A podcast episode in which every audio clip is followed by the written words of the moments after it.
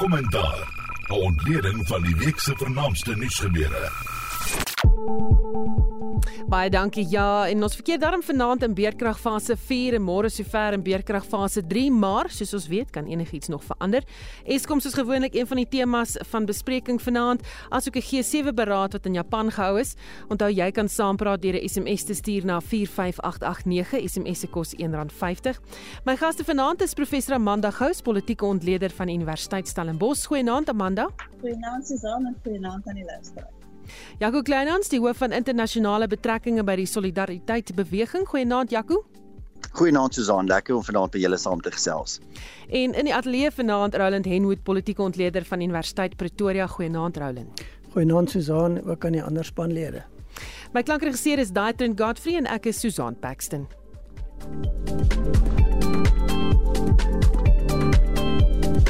Kommentaar. 'n Ontleding van die week se vernaamste nuusgebeure. So 3 minute oor 8 en uh, die mense van Suid-Afrika moet weer hulle gees van ongehoorsaamheid herontdek vir die 2024 verkiesing want ons gaan dit nodig hê. Dis die ongewone boodskap van die DA-leier John Steenhuisen en dit is 'n reaksie op die raskwotas konsep wetgewing wat pas gepubliseer is. Nou Gerard Papenfoos, uitvoerende hoof van die werkgewersorganisasie NIHASA, het vroeër vir ons verduidelik wat hom pla van hierdie konsep wetgewing kom ons hoor gehou. Wel dis uh, maar 'n semantiese verskil. Dit gaan oor daar's 'n element van buigbaarheid in die teikens wat nie in kwotas is nie, maar uh, jy moet 'n teiken bereik in 5 jaar se tyd. En uh, as jy dit nie bereik nie, moet jy baie baie goeie redes gee hoekom jy dit nie uh, gaan uh, of nie kan bereik nie.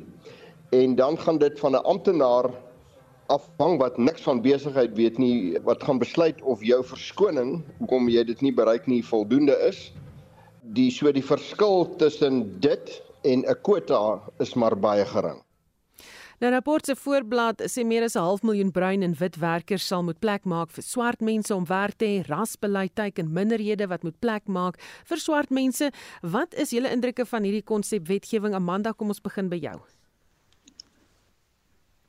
Ja, wel die bereik van teikens is nie nie in die Employment Act, Equity Act nie en die feit dat ehm um, instellings in die verlede boetes gekry het as hulle nie teikens uh, bereik het nie is ook nie nuut nie. Maar daar is al vir baie lank 'n um, 'n uh, diskurs oor hoe moet hierdie ehm um, teikens die bevolking se demografie ehm um, uh, weerspieël. En die probleem is dat die die bevolking is nie dieselfde in al die provinsies nie. So byvoorbeeld in in die Wes-Kaap is bruin mense in die meerderheid. En om dan 'n uh, 'n uh, nasionale demografie op alle provinsies van toepassing te maak is is is belaglik. Um en ek dink wat wat my pla is die feit dat dit is dit wil my voorkom asof dit nou weer 'n uh, verkiesingsfoefie is um, want die ANC het soveel steun ver, uh, verloor. So hulle moet nou op een of ander manier weer steun opmaak. En dit is dan om te te begin sê, okay, maar ons gaan nou vir almal wat nie werk het nie werk gee deur hierdie uh kwotas in te stel en wel nie kwotas nie, maar teikens en dan om van sekere rasgroepe ontslae te raak wat uh oorverteenwoordig is in die werk in die werkplek. En ek dink dit is dit is 'n gevaarlike diskurs. Ehm um, en hierdie rasbeheptheid uh weet ons het al gelei in baie opsigte na mense wat aangestel word in in posisies waarvoor hulle net die vaardighede het nie. En ons sien die impak wat dit op die ekonomie het en ek dink dit is die nou met die met die ehm um, met die load shedding en al die probleme daar rondom om om goed nog te vererger. Ehm um, deur deur mense onveilig te laat voel in hulle posisies is is eintlik ehm um, baie onaanvaarbaar en en gevaarlik op hierdie stadium. Hmm. Jaco, um, Amanda het nou gepraat dis 'n gevaarlike diskurs. Klaar gehoor die DA sê mense moet ongehoorsaam wees. Nie alles, jy weet, navolg wat die regering sê nie. Ja, dit is so Susan. Ek dink ons sien in Suid-Afrika die afgelope paar jaar uh, tog 'n tendens ontwikkel van burgerlike uh, burgerlike verset, burgerlike um, ongehoorsaamheid. Um, en natuurlik kan dit op verskillende maniere uitspeel. Ek dink die een voorbeeld was sekerlik die e-tolstelsel in Gauteng waar jy breë burgerlike verset gehad het of ongehoorsaamheid met mense uit verskillende sosiale klasse en agtergronde wat eenvoudig net nie uh, die etolgelde betaal het nie en die gevolg was daarvan dat die stelsel eintlik maar maar onvolhoubaar uh, geraak het. Jy kry ongelukkig natuurlik ook um, hierdie soort van ongehoorsaamheid en verset wat uiteindelik lei tot tot grootskaalse chaos en en en selfs uh, onrus en mense sou dit natuurlik nie graag wou sien nie.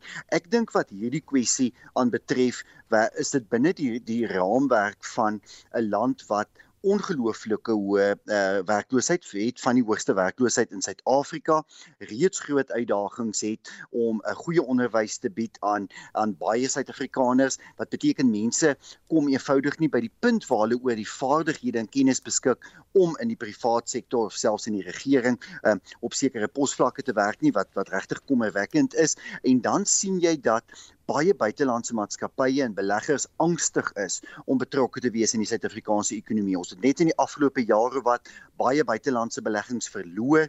En mense is regtig bekommerd daaroor dat hierdie soort van wette juis meer uh mense gaan vervreem, meer beleggings gaan vervreem, meer maatskappye sal vervreem. Selfs Suid-Afrikaanse maatskappye uh sal vervreem, nie net vervreem nie, maar eintlik ontmoedig om kapitaal te herbelê in die ekonomie. Baie van ons groot Suid-Afrikaanse maatskappye sit tans op groot hoeveelhede kapitaal, maar hulle is angstig om dit te belê in nuwe ontwikkelings, nuwe fabrieke, nuwe produktiwiteitsvermoë.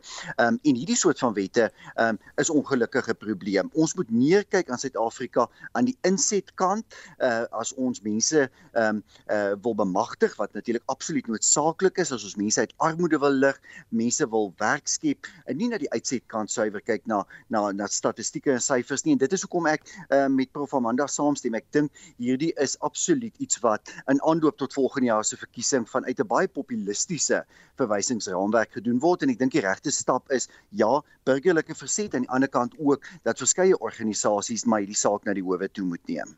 Roland Ja, ek dink daar's 'n hele paar aspekte wat 'n mens hierna moet kyk. Ek stem saam dat dit waarskynlik verband hou met die verkiesing en die feit dat die ANC onder groot druk is en ook dat die ANC nog glad nie eintlik kon aflewer in terme van die doelwitte wat oor 'n baie lang tyd gestel is nie.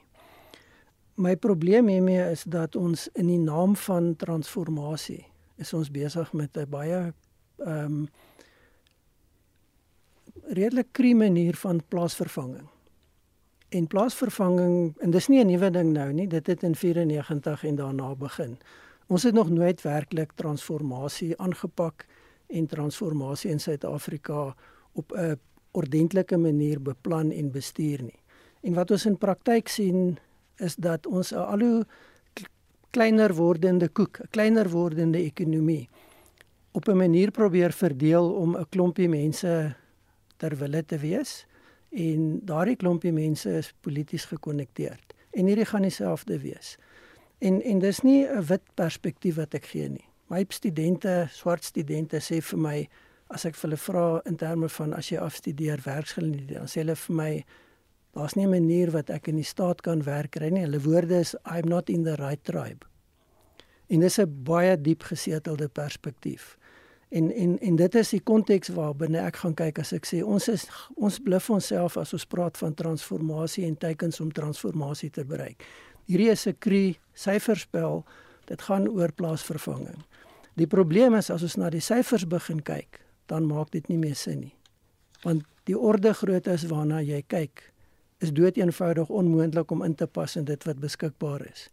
En daarom gaan hierdie waarskynlik die grondslag lê vir groter wordende konflik en groter wordende vervreemding. En dit is allermins dimensies wat Suid-Afrika kan bekostig. Miskien 'n laaste opmerking hier. Nie baie jare terug nie was daar 'n DG by die departement van arbeid, ene meneer Jimmy Manyi. En hy het sy pos verloor omdat hy gesê het dis wat moet gebeur in die Wes-Kaap. En daar was 'n geweldige ehm um, reaksie daarop gewees. En die ANC het baie ver gegaan om te verseker dis nooit hulle doelwit nie. En nou sit ons daarmee as amptelike regeringsbeleid uit dieselfde departement uit. Ehm um, nou dit mag 'n verkiesingsfoefie wees, maar dit kan dalk 'n verkiesingsfoefie wees wat gaan terugslaan op die ANC, soos baie van die ander wat hulle al probeer het. En ek wil so ver gaan om te sê hierdie kan die begin wees van die tipe terugslag wat grondhervorming in Zimbabwe was. Sjoe. Nou Amanda Steenhuisen van die DA, John Steenhuisen sê die opmerking of sy opmerkings het wel op ANC tone getrap. In reaksie op die DA het die ANC gesê dat die DA skwadwillig en interpreteer hierdie wetgewing as prus uh, verkeerd. Stem jy saam? Nee, ek dink nie so nie. Ek dink daar is rede tot kommer en en dit soos uitgewys is dat hierdie wetgewing kan lei tot tot rassepolarisasie.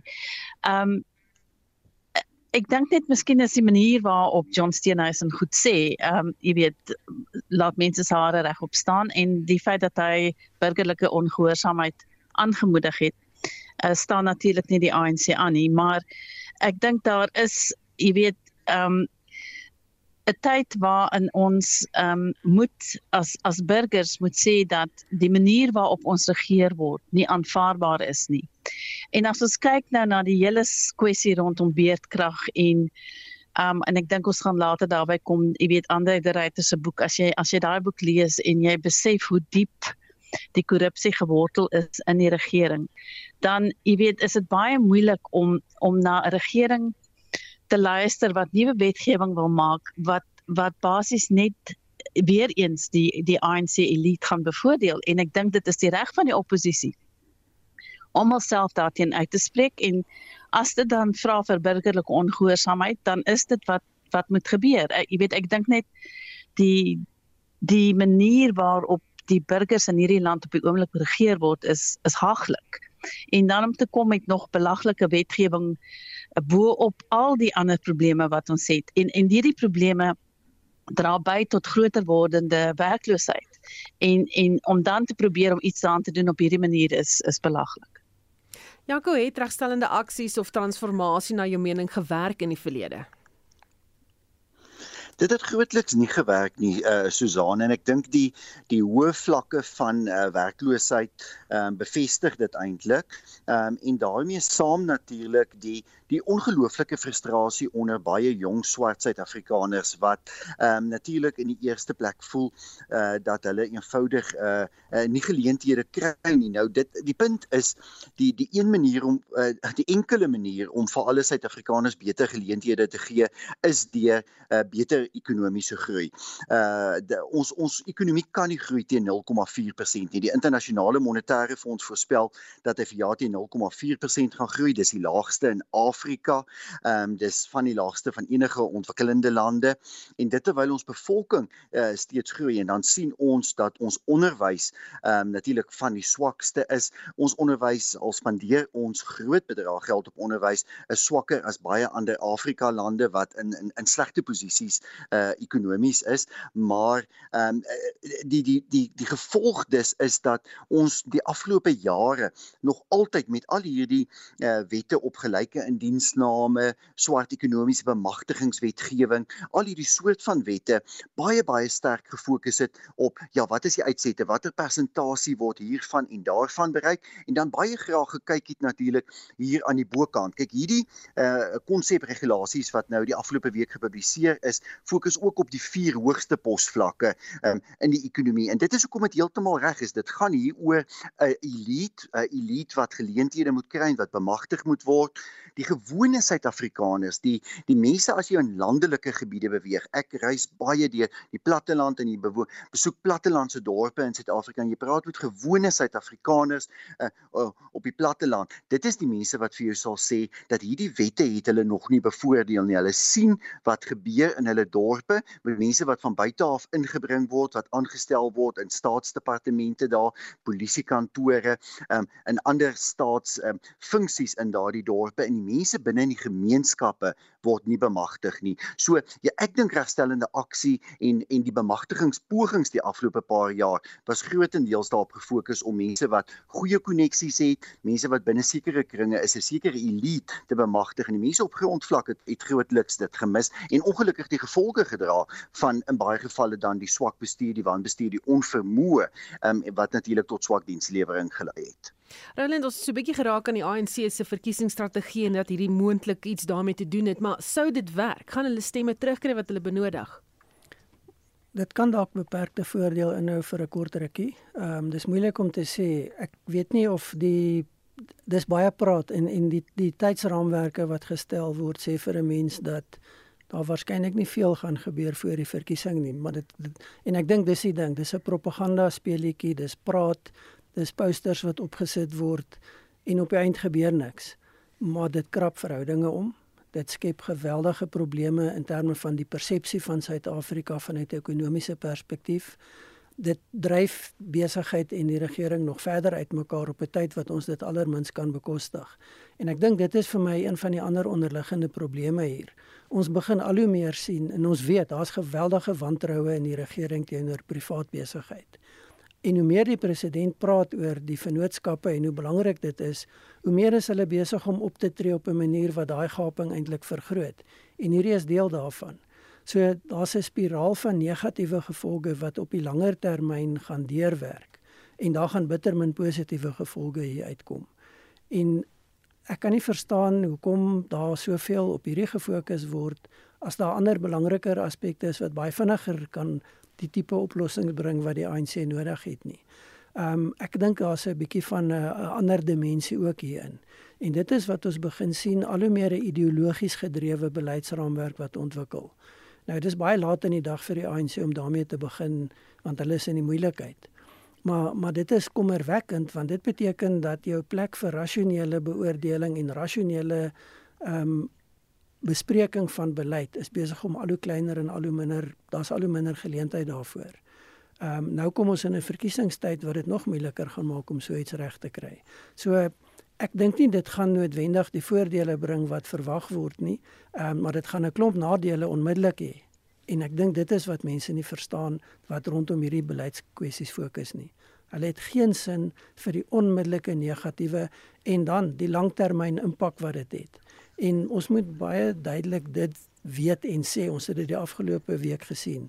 Die beeld van Suid-Afrika persepsies oor die regering is baie sensitief om dit mooi te stel, is baie negatief en hierdie tipe goed gaan niks help om dit te verander en 'n ander konteks daarin te skep nie. Hmm. So gepraat van hierdie verkiesing Amanda, wat gaan in KwaZulu-Natal aan wat betref die ANC? Ek sien 'n spesiale verkiesingskommissie word nou soontoe gestuur om te help. Ja, die provinsie is onder administrasie geplaas. Dit beteken dat dit baie sleg gaan daar. Ehm um, en Ramaphosa het het ook uh, die afgelope ruk uh, het 'n besoek afgelê in KwaZulu-Natal wat vir ons wys dat dit regtig vir die ANC kommerwekkend is. Ehm um, die die die probleem is dat die ANC in die afgelope paar maande was daar 'n hele klomp uh, tussenverkiesings waarvan ehm um, 9 deur die EFF gewen is en 1 deur die DA wat beteken die ANC het al daardie um, kiesafdelings verloor. En dit is 'n indikasie daarvan dat die ehm um, die mag besig is om te verskuif of die steen besig is om te verskuif in die ehm um, KwaZulu-Natal na die EFF toe. En die ANC is baie bekommerd dat die amptelike oppositie in KwaZulu-Natal die EFF kan word. Ehm um, so die, weet dit is 'n dit is 'n poging om die provinsie reg te ruk. Ehm um, en en die probleem is natuurlik met die met die laaste die ehm um, uh, kieskongres wat die ANC gehad het, het nie een van die KwaZulu-Natal kandidate dit gemaak in die top 6 in nie en dit is natuurlik ook 'n rede vir ongelukkigheid um, onder lede van die ANC in KwaZulu-Natal. Ja, ek dink dit is 'n baie belangrike provinsie ehm um, en daar's baie probleme. Die die die sake wat Amanda uitwys definitief, maar ons moet ook vorentoe kyk. 'n Groot deel van die parlementêre setels wat die ANC wen is te danke aan die getalle wat hulle in KwaZulu-Natal gekry het want daai proporsionele basis is vir ons ontsettend belangrik en die afname of die oënskynlike afname in ondersteuning gaan nie net in die provinsie effek hê nie maar gaan ook die ANC se ehm um, getalle balans op nasionale vlak erodeer en hulle het rede om bekommerd daar te wees. Ek dink een van die uitdagings wat lê behalwe vir ongelooflike swak regering in die provinsie is daar twee baie belangrike ander probleme. En dit is die binnengevegte in die ANC wat baie kere tot geweld lei. Ehm um, daar was op 'n stadium met die IFE onafhanklike verkiesingskommissie gesê iets soos 'n derde van tussenverkiesings wat tussen van 2021 se verkiesing tot toe gehou is was as gevolg van die vermoor van sittende raadslede en dit was almal ANC mense wat vermoor is deur ander ANC mense. So dis 'n tweede baie belangrike konteks. En dan die derde ding is die IFP doen baie goed. Hulle is definitief besig om te hergroepeer en herlewing te ondergaan, maar dan het die IFP en die DA formele samewerkingsooreenkomste in KwaZulu-Natal gesluit. En dit beteken hulle deel nie verdeel nie hulle stemme en hulle is besig om saam te werk en dis natuurlik vir die ANC 'n baie groot probleem want hulle begin baie van die swakpunte in die ANC nie net uitbuit nie maar ook verder uitwys. So met reg dink ek is die ANC as party geweldig bekommerd oor wat daar gebeur. Jaco, jou gedagtes oor KwaZulu-Natal? Ja, Susan, ek dink ons kan gerus dit oor die volgende paar maande dophou. Jy weet daar vind elke maand uh, tussen verkiesings plaas. Daar is ehm um, hierdie komende week weer tussen verkiesings en uh, tussen verkiesings nie noodwendige 'n sekere maatstaf nie, maar dit dit wys tog vir ons op sekere tendense en daar's duidelike tendense aan die ontwikkel in aanloop tot volgende jaar uh, se verkiesing KwaZulu-Natal hier 'n belangrike um, uh, provinsie omdat dit um, vir die ANC 'n provinsie is wat die afgelope uh, bietjie meer as 'n dekade natuurlik groot voordeel ingehou het. Hulle het daarin geslaag om uh, om uh, met in 'n groot mate in die Zuma jare die die Zulu uh, stem te beset en en en en uh, die, die oorgrootste meerderheid van die Zulu stem te kry. Ons het egter gesien dat dit besig is uh, om te kwyn. Die IFP doen goed. Hy's 'n baie goeie party daar waar hy regeer. Uh, die munisipaliteite waar die IFP in beheer is, ek dink hulle is 'n 9 munisipaliteite in beheer in KwaZulu-Natal word word baie goed regeer. So waar die oppositie of dit nou DA of IFP is of die twee saam is in Natal regeer, gaan dit net soveel beter. Ons sien byvoorbeeld die probleme in eThekwini uh, in Durban, die eThekwini metro um, en die geweldige verlies verlies aan toerisme. As jy dit nou in kontras moet stel met Kaapstad waar ons sien dat toerismegetalle in Kaapstad um, reeds gestyg het die afgelope 2-3 maande tot meer as voor die pandemie. Die nuutste syfers uit uh, Durban uh, is dat die toerismebedryf daar nog glad nie herstel het na die COVID-19 pandemie nie um, en dat dit eintlik baie sleg gaan met die met die toerismebedryf daar. So jy sit met 'n provinsie wat um, waarvan die ANC ehm um, eintlik vir sy steun baie afhanklik was die afgelope tyd. Hulle is ehm um, baie desperaat om daardie stene stand te hou. Dis 'n provinsie wat baie plofbare etniese konflik in die verlede gehad het. Ons het die afgelope meer as 30 jaar dit gereeld gesien. Net in die afgelope jaar was daar verskeie politieke sluipmoorde gewees in die provinsie. Ehm um, senior politici selfs burgemeesters wat geteken is en van hierdie aanvalle.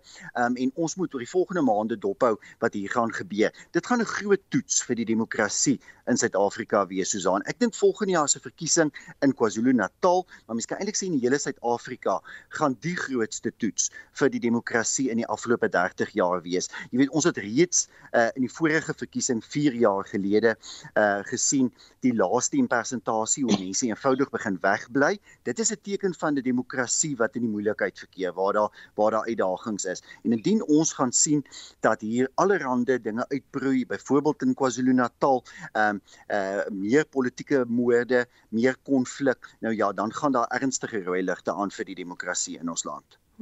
Nou ja, 2024 definitief 'n jaar wat ons gaan dophou. Uh, ons gaan na plaaslike regeringsvlak toe. Die afgelope week het die burgemeester van die Tshwane Metro, Silje Bring, sy stadsrede gelewer.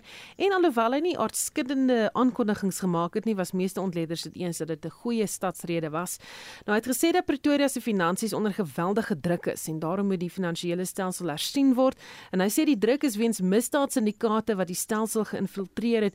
Amanda, weet komende van hom af en hy is die burgemeester van die hoofstad amper van die land. Dit is bietjie maak my bietjie bang. Ja, wel ek dink uh, jy weet dat daar is baie groot aanduidings dat Suid-Afrika um onderhewig staan aan geweldige invloed van georganiseerde misdaad. Um en die probleem met die finansies van Swane is dat um daar 'n uh, 0% um to, uh verhoging in salarisse is vir werkers en en dat die unies nou betrokke is en hulle hulle bied weerstand daarteen.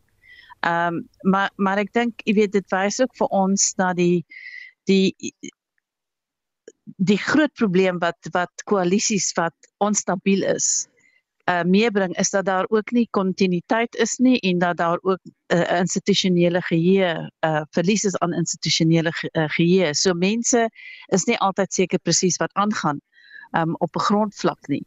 Uh en en ek dink dit is dit is baie belangrik dat veral op die metro vlakke dat die die koalisies gestabiliseer word. So Celie bring dink ek weet hy hy praat van uh byvoorbeeld alternatiewe bronne vir elektrisiteit dat daar meer gekyk word na jy weet um die die wastewater treatment in in sulke goed. Um so hy hy hy dink aan goeie regeringskunde, um maar dit sal net afhang hoe lank daai koalisie sta, uh, stabiel bly. Nou sal jy sê die stad word tans gefinansier deur die inwoners. Hulle kan glad nie lenings kry nie. Daar's geen toelaa meer van die staat af nie. Roland, jy bly in daai omgewing. sien jy die agteruitgang? Hoekom is daar nie enige hulp van die staat af nie? Ongetwyfeld sien 'n mens die agteruitgang en jy sien ook hoe hoe daar gesukkel word om basiese dienste in plek te hou. Ehm um, En ek dink dit is die konteks waarteen 'n mens daarna moet gaan kyk na wat besig is om te gebeur. Ek dink as ons terugkyk na die ehm um, rede wat wat Brink gelewer het, dan is daar 'n paar aspekte wat vir my uitstaan. Nou daar daar's sekere goed wat hy nie gesê het nie, hy het geïmpliseer. Die feit dat die amptenare nie 'n verhoging kry nie. Dood eenvoudig kan daai metro nie bekostig om dit te gee nie. En en dan is daar aspekte rondom regering wat belangrik is en dit is watter persentasie van jou begroting gaan aan salarisse. En die interessante as 'n mens na die Tshwane Metro begin kyk is dat nominaal val Tshwane binne die voorskrifte van die de, departement van finansies. Maar as jy gaan kyk na jou uitgawes as 'n persentasie van jou inkomste, jou realiseerbare inkomste, dan val hulle ver buite daai norme. En dit is die krisis waarmee hulle sit. Jy kan nie 'n 'n begroting finansier en opstel en goedkeur en jy weet dat dit absoluut onmoontlik is om dit te doen nie. Een van die groot uitdagings wat ek dink hulle mee gaan sit is die feit dat die provinsiale regering is baie vyandig. Ehm um, het alreeds ingemeng in die verlede in die Tshwane Metro om te probeer kyk of hulle die koalisies kan verander. Ehm um, en dit is wel bekend. Dit is nie 'n geheim nie. Al sê premier Lesofie dit is nie so nie. Ons weet almal wat se rol hy gespeel het. Die kwessie van alternatiewe, daar is alternatiewe, maar die ANC het dit so gestruktureer dat hulle alles gesentraliseer het en geskuif het na die provinsie toe. En nou sit jy met 'n metro wat eintlik afhanklik raak van 'n provinsie wat nie met hom wil saamwerk nie. So dit gaan baie moeilik wees dan sit jy met interne probleme. Ek meen daar's 'n massiewe probleem in die Tshwane Metro se administrasie. Ehm um, daar word baie gepraat oor wanbetalings, maar wat niemand regtig sover oor praat nie is die gemors met rekeninge. Ehm um, rekeninge wat nie reg hanteer word nie, mense wat nie rekeninge kry wat korrek is nie, of mense wat skielik historiese rekeninge kry omdat iemand nou besluit het hulle moet nou die goed begin regmaak. En daai tipe goed gaan die metro se leierskap baie kos want hulle gaan definitief groot druk kry want die persepsie daarvan is julle is besig om die verkeerde mense te teiken, julle strategie is onbillik, julle het 'n openbare veldtog teen mense wat amper mense kriminaliseer, maar intussen lê die probleem binne die metro self. En as jy nie daai administratiewe beheer gaan regkry nie, dan gaan jy baie sukkel om daardie metro beter te gaan regeer. Nou die die die die koalisie is klein. Ehm um, 'n klein meerderheid, maar dit lyk of dit stabiel is en en ek dink as daar vir my twee dimensies is wat uitgestaan het hierdie week. Is die eerste een dat die styl van die burgemeester is heeltemal anders. Hy lê geweldig klem oral waar hy kom op die koalisie. Ehm um, waar ek hom gesien het, was daar altyd koalisielede by hom. So hy's nie besig om die idee van hierdie metro as 'n DA projek te dryf op sy eie nie. Nou, dit is goed want dit is een van die beskuldigings wat teen die DA gemaak word. Ehm um, is ook op 'n ander vlak goed. Hy versprei die risiko dat nie net hy gaan verantwoordelik wees as dinge nie uitwerk nie. So dis vir my belangrik. Die tweede belangrike punt is sy eerlikheid. Hy het niks probeer wegsteek nie. Hy het nie probeer sê die ouditeur-generaal se verslag is iemand anders se skuld nie. Hy het volledig eienaarskap gevat oop kaarte gespeel in terme van hoe sleg dit is en dan gesê ons moet dit regmaak. So ek dink dit is 'n ander benadering as wat ons aangewoond geraak het oor die afgelope jare insluitende onder die DA. Hm. So dis dis 'n dis 'n ek dink dis 'n baie belangrike ander soortige benadering. Hoe suksesvol dit gaan wees sal ons moet sien. Jaco, die Tshwane Metro is net 'n voorbeeld van vele munisipaliteite wat net nie werk nie en waar dienslewering nie behoorlik plaasvind nie. So wat nou gemaak in hierdie geval? Uh, ek bedoel die dienslewering op munisipale vlak verkeer amper op dieselfde vlak as Eskom se beurtkrag. Ja, heeltemal so Susanne. Kyk die die uitdaging ek dink sal hier bring die burgemeester van die Tshwane Metro het dit ook gesê in sy toespraak is 'n munisipaliteit moet op die basiese dinge fokus. Hy moet fokus op water, skoon water. Kyk wat het gebeur hierdie week. Daar's 10 mense in Hammanskraal, noord van Pretoria dood weens kolera. Ehm um, dit is dis iets wat mense 'n paar jaar gelede jous amper nie self sou kon indink nie. Jy weet dat die regering boodskappe uitstuur om mense te waarsku oor water. Uh nie maar mense kry tans in Suid-Afrika aan verskeie plekke en dis nie net net uh, in of rondom Pretoria of Tshwane metro gebied nie. Ehm um, ernstige siektes weens vuil water uh, nie. Uh, daar moet terugbeweeg word na die basiese dinge en dit moet reggedoen word. Ehm um, elektrisiteitsnetwerk, jou vullisverwydering wat gereeld gedoen moet word. Daardie dinge moet in plek kom, maar dan is dit ook belangrik en dit is hoekom dit so belangrik is dat die finansies gestabiliseer moet word, dat 'n munisipaliteit sy debiteure onder beheer moet kry. Um, is dat hy meer geld moet spandeer aan infrastruktuur. Uh Pretoria, die Tshwane Metro se begroting vir vanjaar op infrastruktuur is 2,4 miljard rand. Kaapstad se begroting is 11 miljard rand op infrastruktuur. So jy kan dink, ehm um, wat gaan in Kaapstad gedoen word van jaar om paaie te verbeter, ehm um, om uh, die elektrisiteitsnetwerk te versterk, te werk aan alternatiewe energie sodat hulle minder beurtkrag kan hê, um, om hulle riolering te verbeter, al die ander dienste en hoe min gaan in in in die Tshwane Metro gedoen word um, op hierdie vergelyking eenvoudig omdat uh, daar sulke swak bestuur oor jare was dat daar nie geld beskikbaar is vir 'n kapitaalbegroting nie. Ek dink die uitdaging um, is dat ons 'n jaar voor 'n verkiesing is, um, sou die huidige koalisieregering in Tshwane suksesvol wees, sal dit sleg wees vir die ANC. So die leierskap van die ANC sal wil hê dat hierdie ehm uh, uh, koalisie uh, in Tshwane moet misluk. So ons gaan waarskynlik oor die volgende paar maande 'n hele klomp pogings sien um, om om om dit te destabiliseer, om aktiwiteite of dit raadsvergaderings is of wat ook al anders om dit te probeer destabiliseer en daardie destabilisering sal kom deur verskillende meganismes, die provinsiale regering, die nasionale regering, ander departemente ook. Die premier van die Wes-Kaap, Ellen Windy, het onlangs gesê hoe uitdaging die Wes-Kaapse regering regering het om die fondse wat hom toekom van die nasionale regering af te kry. Dit is 'n dis 'n meganisme soos wat die ANC begin het om beheer te verloor oor munisipaliteite ook uh, van sommige provinsies.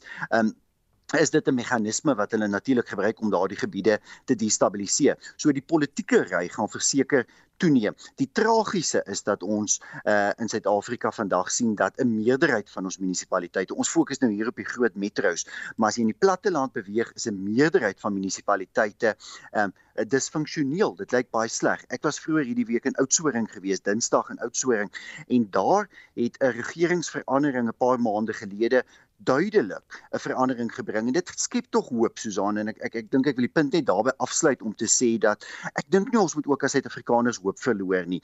Um 'n uh, 'n dorp kan baie sleg lyk wanneer hy sleg bestuur word, maar 'n dorp kan ook reggeruk word. 'n Stad kan sleg lyk, 'n stad kan reggeruk word. Bloemfontein het ek ook onlangs gesien, dieselfde daar. So ons moet hoop dat daar druk kom op die op die die politici in die dorpe en stede wat sleg geregeer word sodat daar uiteindelik verandering kan kom en daarom is dit ook in belang van Suid-Afrika dat die Tshwane Metro moet slaag. Hm. Goed, kos gaan oor na Eskom toe en die entiteit was ook weer in die nuus die afgelope week. Kom ons hoor gou. This is going to be a very very tight winter. We are actually going through an extremely, extremely difficult uh, period this winter. We're going into this winter with 3,000 megawatts less capacity than the last winter. The power system will be even more constrained. If the interventions does not achieve the desired outcomes, the likelihood of stage 8 uh, load shedding is extremely high. Nou Eskom se waarnemende hoof Kalib Kasim het Suid-Afrika of eerder Suid-Afrikaners gewaarsku dat daar die winter hoë risiko is vir fase 8 beurtkrag. Die raadsvoorsitter Mpo Makwena het ook aangedui dat die kragverskaffer sal optree teen die voormalige bestuurshoof Andrei de Ruyter vir onder meer die bekendmaking van vertroulike inligting.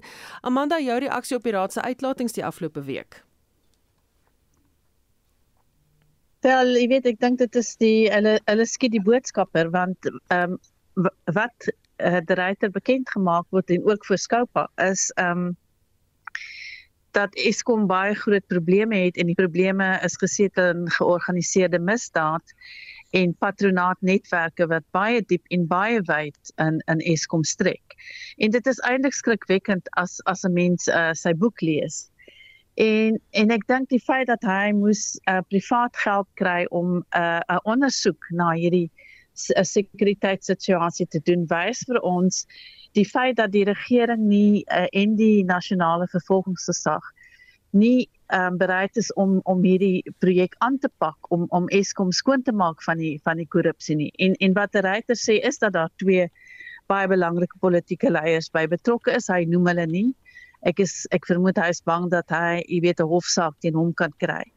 Ehm um, maar maar die feit is dat jy weet daar is oplossings maar dit is 'n gebrek aan politieke wil om hierdie oplossings ehm um, te gebruik. En en solank as wat ons die drie belangrike ministers Gordon ehm um, Mantashe en uh, uh Gotsenso ehm um, Ramaghopa het wat uh jy weet basies met mekaar oor die weg kom nie en en ook nie dieselfde um, oplossings sien vir die situasie nie is daar 'n 'n uh, uh, soort van 'n verlamming uh, in in die situasie met Eskom wat ons almal raak. En soos ons nou sien soos die winter uh, ons dieper in die winter ingaan, hoe erger gaan gaan beerdkrag word. En ek ek dink wat my ontstel het van van um Gordon is dat hy byvoorbeeld gesê het die afgelope week dat as die ryter sy werk gedoen het, sou hy nie tyd gehad het om 'n boek te skryf nie. En hy het ook gesê weet ek het die ryter ondersteun toe toe hy vergiftig is. Ek het na sy strandhuis toe gegaan. Asof hy nou beloon wil word vir die feit dat hy die ryter ondersteun het. Dit is die minste wat hy kon doen. So dit is hierdie um die die uh, verdediging van die ANC teen die ryter um en wat hom nou ook uitmaak is iemand wat uh, op 'n ego trip is um en so aan. Uh ek, ek dit wys net vir ons dat die ANC eintlik nie in staat is om hierdie probleem op te los nie dat hulle nie um in staat is om die kritiek te hanteer nie. En die feit is dat daar nog niemand in die ryter se plek aangestel is nie wys ook vir ons dat niemand het die krag of die lus um vir vir hierdie hierdie posisie nie want ek meen dit is lewensgevaarlik nou as jy nie bereid is om saam te werk met met georganiseerde misdaad nie uh waarom sal jy daardie posisie uh aanvat want dit dit gaan net lei tot uh groot konflik met die ANC. Roland vroeër ek met jou gepraat het uh oor die Eskom raad was jy baie verontwaardig oor die manier wat hulle die boodskappe of oor die kragkrisis oorgedra het. Ja, ek dink as ons gaan kyk na wat besig is om te gebeur, dan sien ons dat die eerstens die kommunikasie van Eskom met die publiek het totaal verander ehm um, Sikunasi Manchancha wat 'n baie oop benadering gevolg het. Hy toegang tot die ryter gehad. Hy was baie deeglik in en hy het baie gereeld met mense gepraat. Dit gaan nou bietjie beter as 'n ruk terug, maar dis nog steeds uh ja, wat uit en mis, né? Ehm um, in terme van wat se kommunikasie jy kry en hoe akkuraat dit is en hoe lank dit staan voor dit weer verander. Dan die voorsitter van die raad wat definitief besig is om 'n politieke spel te speel. Hy is nie die voorsitter van Eskom se raad wat 'n mens verwag hy moet wees nie. Die absurditeite waarmee hy al vorendag gekom het. Wat het hy gesê? We must celebrate stage 4. Met ander woorde, ons is baie om voor dankbaar te wees as ons fase 4 het. Dit sê vir my daar's 'n totale wanpersepsie van wat behoort te gebeur en wat sy rol is. En dan is hy besig om baie duidelik die politieke spel te speel oor wat by Eskom aan die gang is en ook die hantering van die ryter. Ehm um, dit laat dink my aan daar's 'n hele klomp voorbeelde. En en dit in 'n week waar die president groot gewag gemaak het van hoe belangrik vletjieblassers is en hulle beskerm moet word. Die ryter is niks anders as 'n vletjieblasser nie. Hy's nie die ondersoeker nie. Hy hoef nie bewyse te bring vir elke ding wat hy sê nie. Dis nie sy werk nie. Dis die polisie se werk. En dan kyk ons na die absurde um, proses wat in die parlement afgespeel het met al die hoofde van die sekuriteitsinstellings wat mekaar weerspreek het wat baie duidelik het van hulle openlik gelieg in die parlement. En daar daar word geen aandag daaraan gegee nie. Al die aandag gaan na die ryter se boek en dat hy die boek sou geskryf het terwyl hy in diens was. Um, dit herinner my aan die graskop insident waar die polisiebevelvoerder uit die dorp uitgejaag is en die polisiestasie gesluit is. Wat was die eerste reaksie van die polisie? Ons ondersoek klagte teen die mense want hulle mag nie die stasie gesluit het nie. So die werklike probleem word doeteenvoudig geïgnoreer. En dit is wat ons deurlopend hier begin sien. Um, Amanda het net nou verwys na die gebrek aan politieke wil om dit te verander. Maar ek dink daar's 'n ander dimensie en ek dink met alles wat nou op die tafel is kan ons dit begin sê. Die ANC of regering of beide van hulle wil dit nie verander nie want hulle eie mense is te diep in die bevoordeling wat daar plaasvind. En hulle het nie die moed van hulle oortuiging om eers te probeer om daar te kom nie. En dit is waarom Gordon nou sulke slegte publisiteit kry. Hy het baie duidelik nie die durf en die dryf om enigsins iets daaraan te doen nie. Ehm um, hy weet wie die mense is. Hy speel dom. Die president speel dom.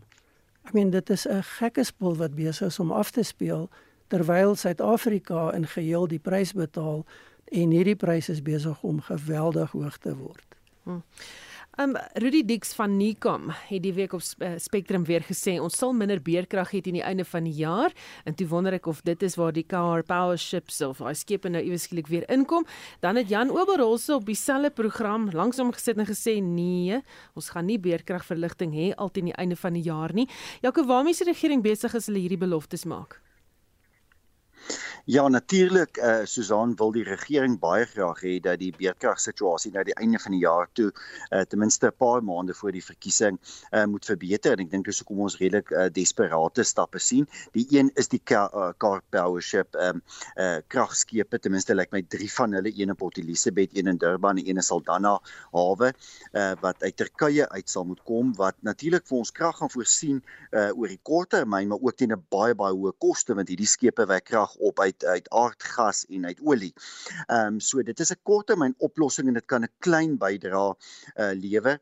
Ehm um, daar is nog uh, allerlei ander planne wat gemaak word met ons eie uh, gasturbines om om ook daardie produksie effens te verhoog. Uh, wat natuurlik 'n werklikheid is is dat die kleinskalige opwekking in Suid-Afrika besig is om drasties toe te neem. Jy kan maar net uh, vlieg oor uh, uh Johannesburg, jy weet voor jy daar by oor Tambo Lughawe land en jy kom so oor die Oosrand gevlieg, ehm um, uh, dan sien 'n mens hoe daar weekliks meer sonpanele op die dakke van groot fabrieke en en groot ondernemings uh, opgerig word.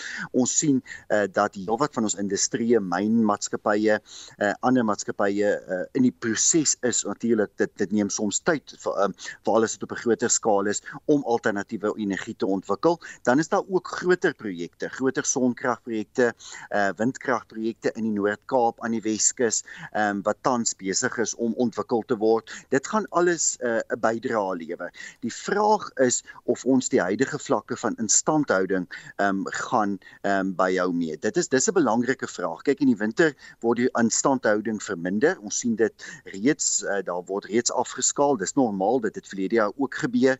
Ehm um, sodat die die druk minder is omdat ons in Suid-Afrika meer krag in die wintermaande gebruik.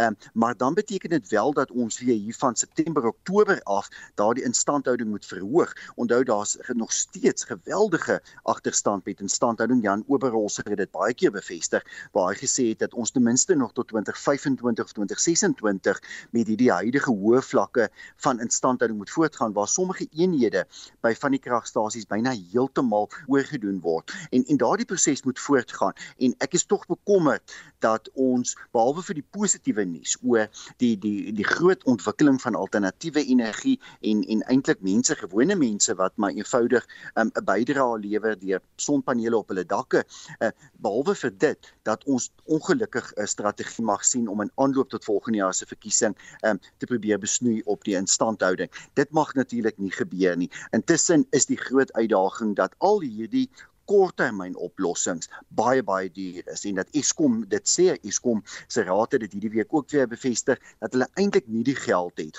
om aan te hou om die hoeveelheid gas en olie te verbrand wat tans reeds gedoen word nie en wat natuurlik oor die volgende paar maande selfs meer kan word nie.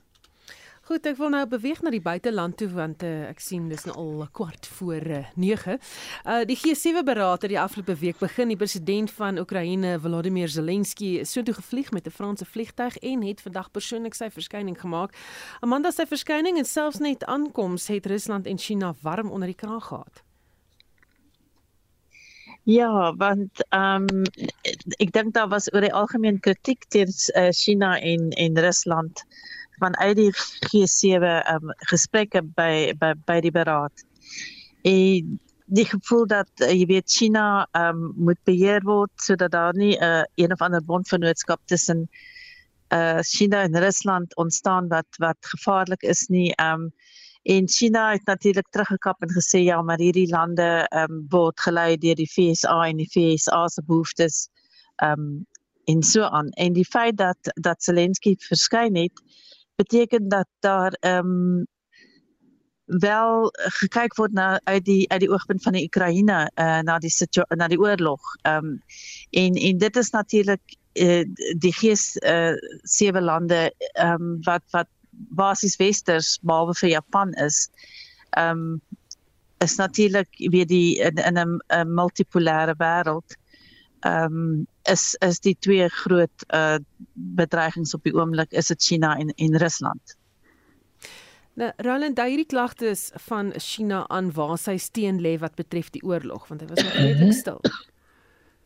China is moeilik om te gaan as mens werklik gaan kyk is eintlik moeilik om te gaan bepaal presies wat. Ehm um, China is baie versigtig. Oënskynlik lê hulle steen op 'n politieke vlak by Rusland, maar hulle het nog niks gedoen wesenlik om op een of ander manier aan te dui dat hulle werklik Rusland steun nie.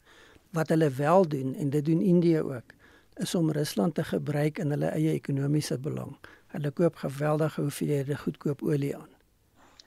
Ehm um, en dit is een van die goed wat wat baie duidelik gebruik word deur hulle. Hulle is versigtig om nie Rusland te veroordeel nie en en dit lyk asof China se strategie eintlik is ons oënskynlik ons gebruik Rusland om bietjie druk op die op Europa te sit en op Amerika te sit, die FSA. Maar ons gaan nie iets doen wat ons verhouding op so 'n mate in die gedrang bring dat dit vir ons negatiewe gevolge het nie. En wat ons sien met China rondom die G7 beraad is daar's 'n geweldige sensitiwiteit by China enige iets wat lyk asof dit negatief is, asof dit dalk kan omskakel in in in daadwerklike optrede word met geweldige teenreaksies begroet, vyandigheid, baie sterk bewoording en om van China wil sy eie belange beskerm. En dit is baie duidelik dat die vrees vir China is dat daar nie net retoriek gaan wees nie, maar dat daar dade gaan wees. Met ander woorde dat daar daadwerklik opgetree gaan word. En die G7 het vandag aanduiding gegee by die beraad dat hulle gaan begin doen gesamentlik wat die FSA reeds begin doen het. En dit is baie strenger beheer op tegnologie, baie strenger beheer op sensitiewe tegnologie en samewerking en dat hulle as China iets doen, gaan hulle dit beantwoord. En dit maak China baie ongemaklik. Ek dink dit dis 'n baie belangrike waarskuwing vir China. Feit van die saak is China is nie 'n gelyke van die FSA, is nie op die stadium alreeds in 'n posisie om doeteenvoudig sy wil af te dwing en te doen wat hulle wil doen nie. Hulle is nie ekonomies in daai posisie nie, hulle is nie militêr in daai posisie nie. Dat hulle ekonomies belangrik is, ja, dat hulle polities belangrik is en baie toegang het op baie plekke in die wêreld, natuurlik is dit so. En dis nie noodwendig sleg vir die wêreld nie, maar die manier wat dit besig is om uit te speel. Ehm um, en en en die manier hoe die verhouding net tussen China en die VS op 'n baie swak um, laagtepunt is nie, maar ook hoe dit in terme van Europa begin gebeur, is waarskynlik vir die res van die wêreld rede tot kommer. En plekke soos Suid-Afrika moet baie mooi kyk en baie versigtig wees in hoe hulle hierop gaan reageer. Ek dink die onderliggende beginsel is dat die Oekraïense oorlog het die gang van die wêreldpolitiek baie drasties verander. En ons gaan in die volgende in die kort tot medium termyn gaan ons die gevolge daarvan begin sien En dis tog interessant ten spyte van die groot rolspelers en Rusland wat baie pro hard probeer om hierdie as 'n oorlog tussen Rusland en die VSA af te maak. Hoe sensitief hulle vir Zelensky is. En dit gaan oor leierskap. Dit gaan oor die vermoë wat hy het om oral waar hy kom 'n indruk te maak, mense te beïnvloed en tot 'n baie groot mate sy sin te kry. Ek meen een van die belangrikste uitkomste op die militêre vlak is dat hy nou F16 vegvliegtuie kan kry. Die FSA het dit probeer blok vir 'n baie wel hulle het dit geblok tot nou. En Zelensky het gegaan en dit was een van die goed wat hy baie lank oor gepraat en en nou het hy dit reg gekry. En ek dink dit is wat um, Rusland baie bekommerd maak en dit is wat China ongemaklik maak want as die oorlog draai en Rusland nie hierdie oorlog oorleef soos wat hulle beplan het om dit te doen nie, gaan dit China in 'n baie moeilike posisie sit. En ek dink dis miskien die konteks wat 'n mens na China moet kyk. Hulle het baie meer om te verloor as hierdie oorlog nie uitwerk soos Rusland sê nie. Maar hulle kan nie iets daadwerkliks doen om die uitkoms daarvan te stuur in 'n rigting wat hulle wil hê nie. Sover nie. Ja. Eh, Rishi Sunak het ook gesê China is die wêreld se grootste probleem en uitdaging van die moderne eeu. Wat bedoel hy daarmee?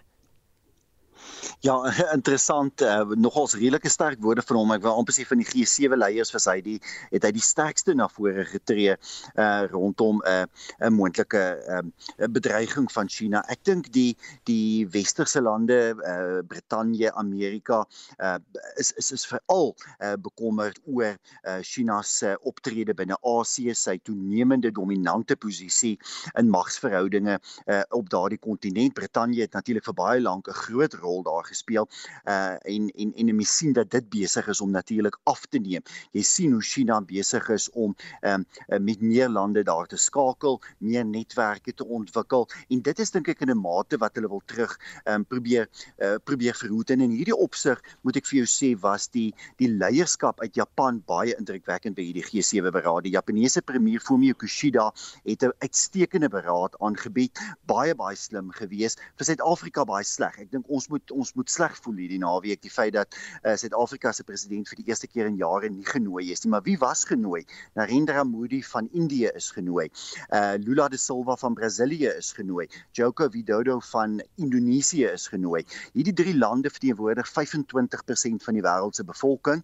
Dis lande wat almal uh, 'n toenemende invloed in hulle streke het. Natuurlik Indië en Indonesië binne Asië en wat Japan wou doen met hierdie G7 beraad was om te te sê dat ja die G7 lande is hierdie ehm um, ryk uh uh meestal dan nou meer westerse of pro-westerse groepering van lande, maar hy kyk breër. Hy kyk breër, hy's bereid om breër te praat en interessant genoeg dat iemand soos Narendra Modi van E van Indië nogals 'n redelike groot rol gespeel het hierdie naweek, want die Japaneese verstaan baie baie duidelik dat Indië is 'n land wat 'n teenvoeter kan bied vir China as dit kom by ekonomiese en militêre invloed in Asië oor die volgende paar jaar en ons sien dat ook Brittanje, ook Amerika probeer om dus nader aan aan Indië te beweeg. So uh, dit was tog 'n 'n 'n interessante ver, verskuiwing geweest wil ek amper sê dat die G7 uh, eh, leiers of lande se leiers nie net eenvoudig hierdie naweek gesê het, luister hier is ons ons ons ons bied die oplossing vir die wêreld. Ek dink hulle besef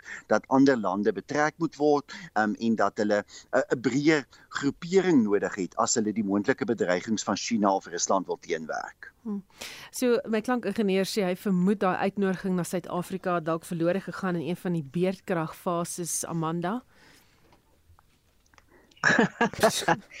ja, laat ons maar hoop dit was die geval. ja, ek het dit daan geraak, maar ja, volgende vraag is jy weet maar waar is Suid-Afrika en in uh, Roland ek sien jy wil iets daaroor sê, ek ons hoor gou. Ja, ek dink dis nog 'n uh, belangrike punt. Waar is Suid-Afrika? Want Suid-Afrika het amper 'n outomatiese uitnodiging geword na die G7 beraad in die G10. En dit was amper die eerste uitnodiging behalwe die permanente lede was na Suid-Afrika toe gewees. En dit het begin verander in die tyd van meneer Zuma as gevolg van wat hy gesê en gedoen en baie belangrik nie gedoen het nie. En meneer Ramaphosa is besig om baie vinnig in daardie selfde posisie te kom. Hy was by vorige G7 beraad en Suid-Afrika is net nie meer daar nie. En daar's 'n klompie baie belangrike aspekte. Die boodskap nommer 1 is dat Suid-Afrika het nie meer die aansien en die toegang in die wêreld wat ons dink in Suid-Afrika self ons het nie. Ehm um, daai boodskap word nou al hoe meer al hoe duideliker vir ons uitgedra. Die feit dat ons strategiese foute maak in terme van ons buitelandse beleid, ehm um, die hantering van Rusland en Oekraïne, maar ook die hantering van lande wat in die G7 betrokke is en dan wat nie betrokke is nie. Ons hantering van Indië skep gaan vir ons op die langtermyn geweldig probleme skep. Ehm um, die Indiërs is baie ongelukkig met Suid-Afrika wat baie meer toegeneë is en baie meer met China skakel en nie op dieselfde basis met Indië byvoorbeeld skakel nie. En dit gaan ons kos. Ehm um, in die Indiese Oseaan gebied wat nou baie belangrik begin word, is Indië 'n sleutelrolspeler tot 'n mate in die in die westelike dele van die Indiese Oseaan gebied, selfs belangriker as China. En ons is blind daarvoor. Ons probeer op 'n amper 'n esoteriese manier hierdie goed hanteer deur te praat en in in in instellings rond te gooi, maar ons is nie by die wese van die beleidsuitdagings nie. En ons maak geweldige groot foute wat op die lang duur vir ons baie gaan kos. So dit gaan nie net oor die FSA nie, dit gaan nie net oor Wes-Europa nie ons is besig om dieselfde foute te maak in 'n uh, konteks waar die omgewing vir ons geo geopolities baie belangrik gaan word in die toekoms. Amanda, laaste woord behoort aan jou. Ehm um, jy weet die G7 uitnodiging wat ons nie gekry het nie. Klomp dinge wat in Suid-Afrika gebeur, die uh jy weet die die sake sektor wat praat oor die president se leierskap wat nie daar is nie. Jy weet wat wat sê hierdie presies ding vir jou nou oor die president se leierskapstyl? Wel, ek dink jy weet ons het 'n afwesige president en bloot die feit dat ons hierdie week die inligting gekry het oor die uh die moontlikheid dat ons wapens verskeep het na na Rusland uh met die Lady Air die uh, die skip wat in die middel van die nag goed afgelaai of opgelaai dis nie seker nie weet dat die president sê maar dit moet ondersoek word hoe kan 'n president van 'n land nie weet wat aangaan uh, in sy eie uh, militêre of uh, weermag in terme van wapens uh, uh, wat uh, en en wapens wat uitgevoer word of ingevoer word nie. So dit is hier die feit dat die president nie sy sy hand op die pols het nie, die feit dat hy altyd een of ander verskoning het as as goed gebeur, die feit dat die Amerikaners nou gesê het, jy weet, uh, dit is onaanvaarbaar dat ons 'n uh, uh, land wat besig is met 'n oorlog vers, versien van wapens. Um en die feit dat op die een oomblik sê die ehm um, uh, regering hulle onttrek van die internasionale kriminele hof en dan sê hulle nee die volgende dag nee nee dit dit dit, dit is 'n fout hulle ons gaan dit nie doen nie.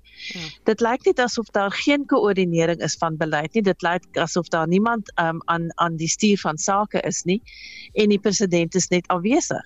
Jy weet daar's oomblikke wat wat 'n mens begin terugverlang na Zuma. Ten minste het jy geweet die man is daar. Hy's besig met allerlei uh horrible goed maar maar hy's daar. Maar, maar Ramaphosa is net afwesig en ek dink dit skep 'n baie slegte indruk vir die buiteland dit dit ondermyn die uh, um vertroue ja. in in die sakewêreld in investering en so aan en dit lyk net baie sleg vir Suid-Afrika Baie dankie. Dit was kommentaar vir vanaand. My gaste was professor Amanda Gous, politieke ontleder van Universiteit Stellenbosch, Jaco Kleinhans, hoof van internasionale betrekkinge by die Solidariteit Beweging en Roland Henwood, politieke ontleder van Universiteit Pretoria.